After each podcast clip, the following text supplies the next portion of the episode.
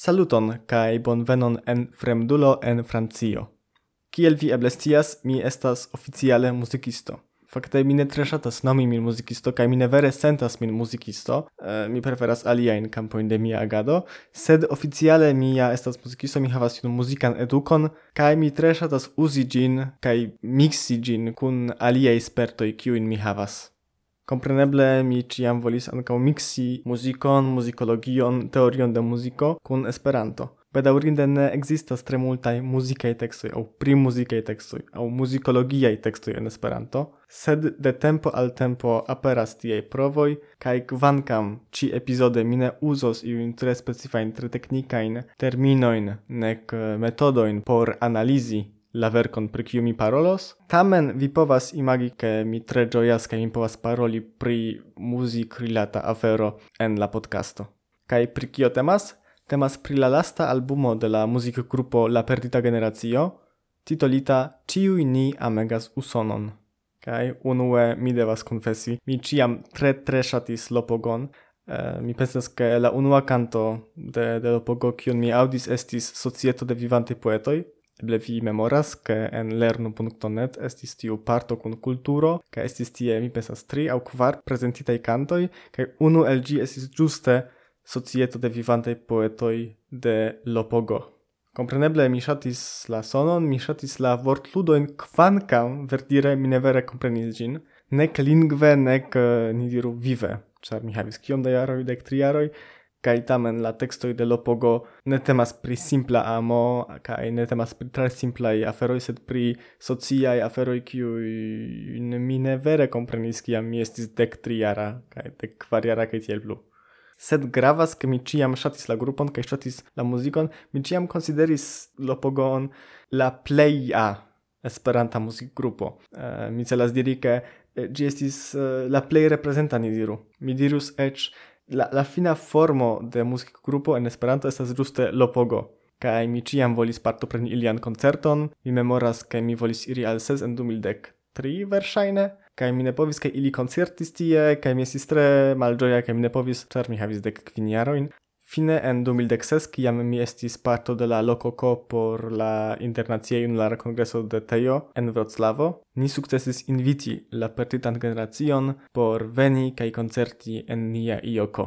Tio devis esti la plej bona momento de la tuta semajno, kiu estis por mi plena je laboro, mi respondecis tiam pri la administrado, do mi apenau povis koncentriĝi io ajn alia ol la, ol la kongreso mem. Kaj en la momento, kiam estis la koncepto de la pogo, mi devis fari iujn kalkulojn, kaj mi ne povis simple iri kaj ĝui la koncerton. Et pli malbone mi estis en iu ĉambreto kaj mi faris la kalkulojn pere de mia komputilo, kaj tra la fenetro mi aŭdis iom la koncerton. Do mi ne povis ĝui, mi eĉ malĝuis pro tio, ke mi aŭdis nur parton kaj tre malbone. Tial mi tre ĝojis, kiam mi rimarkis antaŭ nelonge, ke aperis laste nova albumo de Lopogo. Ĝi estis publikigita en oktobro, kaj mi pensas, ke mi ne estas la sola, kiu dirus, ke ĝi estis longe atendata char la antaŭa albumo sen kalkuli unuopaĵojn aperis en 2003 kai kial mi rakontis la historion pri Yoko 2016, pro tio ke la nova albumo de Lopogo estas concert albumo. Gi estis registrita en 2010 en Seatlo, tial la titolo Ciu ni amegas usonon, dum la unua Nord-America concerto de la grupo, kiu okazis kadre de la Landa Kongreso de Usono. En la albumo troviĝas dek kvar kantoj, kiuj estis prezentitaj en la koncerto, plus la paroladoj inter la kantoj, kaj ankaŭ troviĝas unu krom trako kun la kanto Ĉe Pomoroko. La kantoj mem estas plejparte malnovaj, do mi celas ke ili jam estis en la antaŭaj albumoj, sed estas ankaŭ kelkaj novaj kantoj, aŭ almenaŭ tiuj, kiujn oni ne povis aŭskulti pere de eldonitaj albumoj antaŭe. La strukturo de la albumo reflektas kompreneble la strukturon de la koncerto. To estas pli malpli unu horo, estas la eniro de la grupo en la salonon, estas la enkonduko fare de Nikvo kaj oni aŭdas kiam la publiko krias ankoraŭ ankoraŭ kaj tiel plu. Kaj kion mi diros pri la albumo mem? Do kompreneble tio estas koncertalbumo kaj la koncertalbumojn oni devas juĝi iom alie Se temas pri la muzika flanko, kompreneble estos iuj malperfektaĵoj, la tonalto ne estas ĉiam ĝusta, la ritmo ne ĉiam estas preciza, sed unue la veraj ŝatantoj de Lopogo ne devus surpriziĝi, ĉar tiuj aferoj jam okazis en la unuaj albumoj, do ekzemple en Exenlime aŭ en Explodigos vian domon, oni aŭdis ke la kvalito de la registraĵoj ne estas la plej bona kaj ke la kondiĉoj de la registrado ne estis la plej taŭgaj ni diru. Kaj due, tio donas aŭtentikecon al la registraĵo, ĉar unue tio estas la tipa trajto de tiu grupo, sed ankaŭ pro tio ke ĝi estas registrajo de la koncerto, ni vere sentas ke estas koncerto, ke ne estas iu perfekta afero kiu estas ekster nia esperantista sperto. Do la concerto dauris pli mal pli unu horon, cune cun la aldona crom traco, estas unu horo kaj dek kelkaj minutoj mi pensas, kai mi shatus recomendi gin al vi. Mi vere pensas ke indas ausculti tiun albumon. Kial? Do, se oni jam konas la cantoin, la malnovain cantoin, ĉu indas ausculti iliain interpretojn? Jes. Unue pro tio ke ni vivas en 2012 kaj mankas al ni veraj koncertoj, tio povas esti tre bona anstataŭaĵo. Mi stias, ke nun estas koncertoj en virtuala kongreso en la reta IOKO, nun estos de nove koncertoj en Yes, sed en la registrajo en la albumo Ĉiu ni amegas Usonon oni povas audi la interagon inter la publiko kaj la muzikistoj. Kaj eĉ se vi konas la kantojn, la aranĝoj estas iom malsamaj, iom malsamaj ol tiuj kiujn vi povis audi en la antaŭaj albumoj kaj eĉ iom malsamaj ol tiuj kiujn vi povis audi en aliaj koncertoj. Unue mi rimarkis ke ili estas kutime malpli rapidaj kompare al la studiaj registraĵoj kaj foje mi ne scias kial okazis tiel, sed por la plejparto de la kanto mi pensas ke tio havas bonan efikon, tio donas alian etoson al la kanto. Tak ekzemple maldormemo mia, kiu estas tio melankolia por mi almenaŭ, sonas tute alie kun tiu malpli rapidigita tempo. Au eble tio estis teknika afero. Mi pensas ke precipe pri la canto Pacon de Dio povas esti teknika afero, ke estas multe pli facile kompreni la vortojn kaj ankaŭ prononci la vortojn se la tempo estas malpli rapida. Krome estas drumoj, do drumaro. La grupo eĉ en la albumo mem prezentas sian drumiston Mons kaj diras ke tio estas novaĵo kaj mi tre multe aprezas tiun novaĵon. Tiu instrumento, aŭ fakte instrumentaro, ŝanĝas la stilo de kelkaj aranĝoj. Ekzemple Alia Aventuro, kiu estas, mi pensas, eble unu el la plej bone produktitaj kantoj de la albumo Ĉiamen plu, en gi nun aperas tiu punktitaj ritmoi. Punktitaj tio signifas pam, papam, papam, papam, papam. Kai tio donas iom jazeskan senton, ni diru, kiu ciam estis tie iom, sed uh, nur en la gitaro, kai nun vi havas tiun aldonan tavolon, kiu kazas, ke oni perceptas la kanton alie. Krome, pro tio ke estas registraĵo el koncerto, oni ne povas fari iujn eksperimentojn pri la sono, do oni ne povas aldoni elektronikajn aferojn poste, oni ne povas ludi la saman instrumenton plurfoje, ĉar oni havas nur unu interpreton, kaj tion vi povas audi ekzemple en Ĉu timigas la ombro Ĝi estas ankaŭ iom pli viva. Do mi pensas ke en la plejmulto la kanto estas malpli rapidaj. Mi kredas ke ĉutimigos la ombro estas iom pli viva ol la versio al kiu mi alkutimiĝis.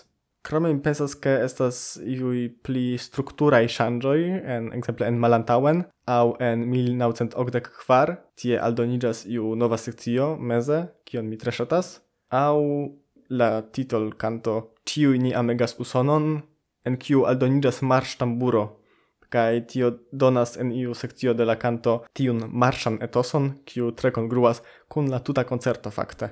Sed tio estas tiu jam konataj kantoj la malnovaj kantoj, ni diru. Kaj kio pri la novaj kantoj? Persone, kaj generale, mi pensas ke la verkoj de la perdita generacio pliboniĝas laŭ la tempo paso, do la malpli fruaj kantoj estas pli bonaj kaj temas pri la kvalito de la produkto, sed ankaŭ pri la strukturo, pri la konstruo de la kantoj kai mi tutte confirmis tiun senton tiun teson per la novae cantoi en tiu ci albumo. La novae cantoi surprizis min ec se mi attendis ke se estus io nova tio estus verŝajne pli bona ol la antaŭaj cantoj mi surprizigis tre pozitive. Estas ekzemple la canto Sen lime Mi fakte ne scias, ĉu ĝi estas nova. Oni mi pensas, ke oni ne anoncis ĝin kiel sed mi ne memoras ĝin de la antaŭaj albumoj. Ĝi havas kelkajn belajn melodiojn, apartajn belajn melodiojn, kiuj tre bone kongruas unu kun la alia. Verdire, gia finajo estis iom stranga por mi, sed eble en la studia versio, se gi iam aperos, mi esperas, eh, tio estos pli clara. Estas ankaŭ la canto Bella Luno, kiu estis anoncita kiel la plej nova canto de Lopogo, kaj eh, Sonja Giardeno. En tiuj du kantoj oni sentas ke la stilo de Lopogo evoluis, kaj laŭ mia persona sento ĝi evoluis en bonan direkton. Kaj krom tio estas ankaŭ la canto Lern Esperanton. Mi audis gin antaŭe, mi ne scias kiel kaj kial, Genesis ne en la antaŭaj albumoj, ĉu ne? Sed estas tre bone, ke ĝi finfine estas registrita en, en la diskografio de la grupo, kaj ne nur en iuj filmetoj de koncertoj, kiuj aperas en diversaj lokoj en la reto. Iu apartaĵo de la tuta albumo estas la kanto Melody Dean. Do ĝi fakte estas usona kanto de Amanda Palmer. Ĝi estis tradukita de Tim Morley kaj originale ĝi estas tre roka, do ĝi estas pure roka mi diru. Kai Lopogo successis adapti gin alla stilo de Lopogo kiun ni tre ŝatas. Ĝi estis do Lopogo igita. Ne tute, mi pensas ke oni povis fari pli, ekzemple oni povis iom variigi la melodion por ke ĝi estu iom eh, pli kantebla, mi diru, sed eble tiam oni tute ne povus rekoni la kanton nur krom la uh, rilato inter la originala teksto kaj la tradukita teksto, o fakte adaptita teksto. Kompreneble tiu melodidin estas en la albumo por akcenti la fakton ke ĝi estas la unua usona koncerto de Lopogo kaj fakte la unua nordamerika koncerto de Lopogo. Kai tute tute fine de la albumo post la ancoraoi kai tiel plu ni havas la canton Che Pumoroko kai gi estas tute rimarkinda, char ancau gi presentas tiun evoluintan stilon, tipan por Lopogo, sed multe pli maturan, kai gi estas kromtrako, do gi ne vere esis registrita en la concerto, sed gi estis registrita aparte en studio, au almenau en studia kvalito kai mi rekomendas al vi mi vere instigas vin trovi tiun kanton kai aŭskulti ĝin, ĉar se vi ŝatas Lopogon, mi pensas ke vi ŝatos ankaŭ ĉe Pumoroko, kai mi pensas ke mi ne troigas se mi diras ke ĝi devus troviĝi en la muzikludiloj de ĉiuj Lopogo ŝatantoj. Do, resume, la albumo estas ĉio kion oni povas kaj volas atendi de Lopogo. Estas la koncerto, la etoso, kiu eble estas eĉ pli grava, en tiu ciaro. Do se vi iom interesigis pri la albumo pro tiu ci presento, iru al la retejo de Vinil Cosmo. La albumo estas disponebla ĉe Vinil Cosmo, oni povas aĉeti ĝin rete, ĝi kostas dek eŭrojn, mi pensas, aŭ aŭskulti ĝin pere de la abon klubo de Vinil Cosmo, kaj ĝi estas ankaŭ disponebla ĉe la servoj kiel Spotify. Mi metos la ligilojn en la priskribo de ĉi tiu epizodo por ke vi povu tuj iri kaj ĝui la muzikon. Vere, la tuta albumo esas nur unu horo kaj dek kelkaj minutoj, do eĉ se vi ne certas ĉu vi ŝatas la perdita generacion, eble vi tute ne scias pri tiu grupo. Mi dubas. Aŭ eble vi neniam aŭdis ilian koncerton vive? Mi kore invitas vin provi kaj aŭskulti, ĉar eh, mi pensas ke tute indas. Kaj nun mi finos ĉi tiun epizodon. Dankon pro ĉiuj reagoj al la lasta epizodo Estis tre agrable por mi legi via insperfen kun via identoj kaj tiel plu, to mi ne sentis min tiom sola. Mi dankas al vi pro la auskulto de tiu ĉi epizodo kaj mi jam invitas vin por la du sekvaj epizodoj, kiu estos iom apartaj, temos pri intervjuoj kaj credo min mi ne ŝtelis tion ideon de aliaj podcast-istoj, ĉar tion ideon mi jam havis antaŭ ol anonciĝis la intervjua serio de La Bona Renkontiĝo, kredo min. Kaj nun eh, mi finas tion ĉi kai gis audo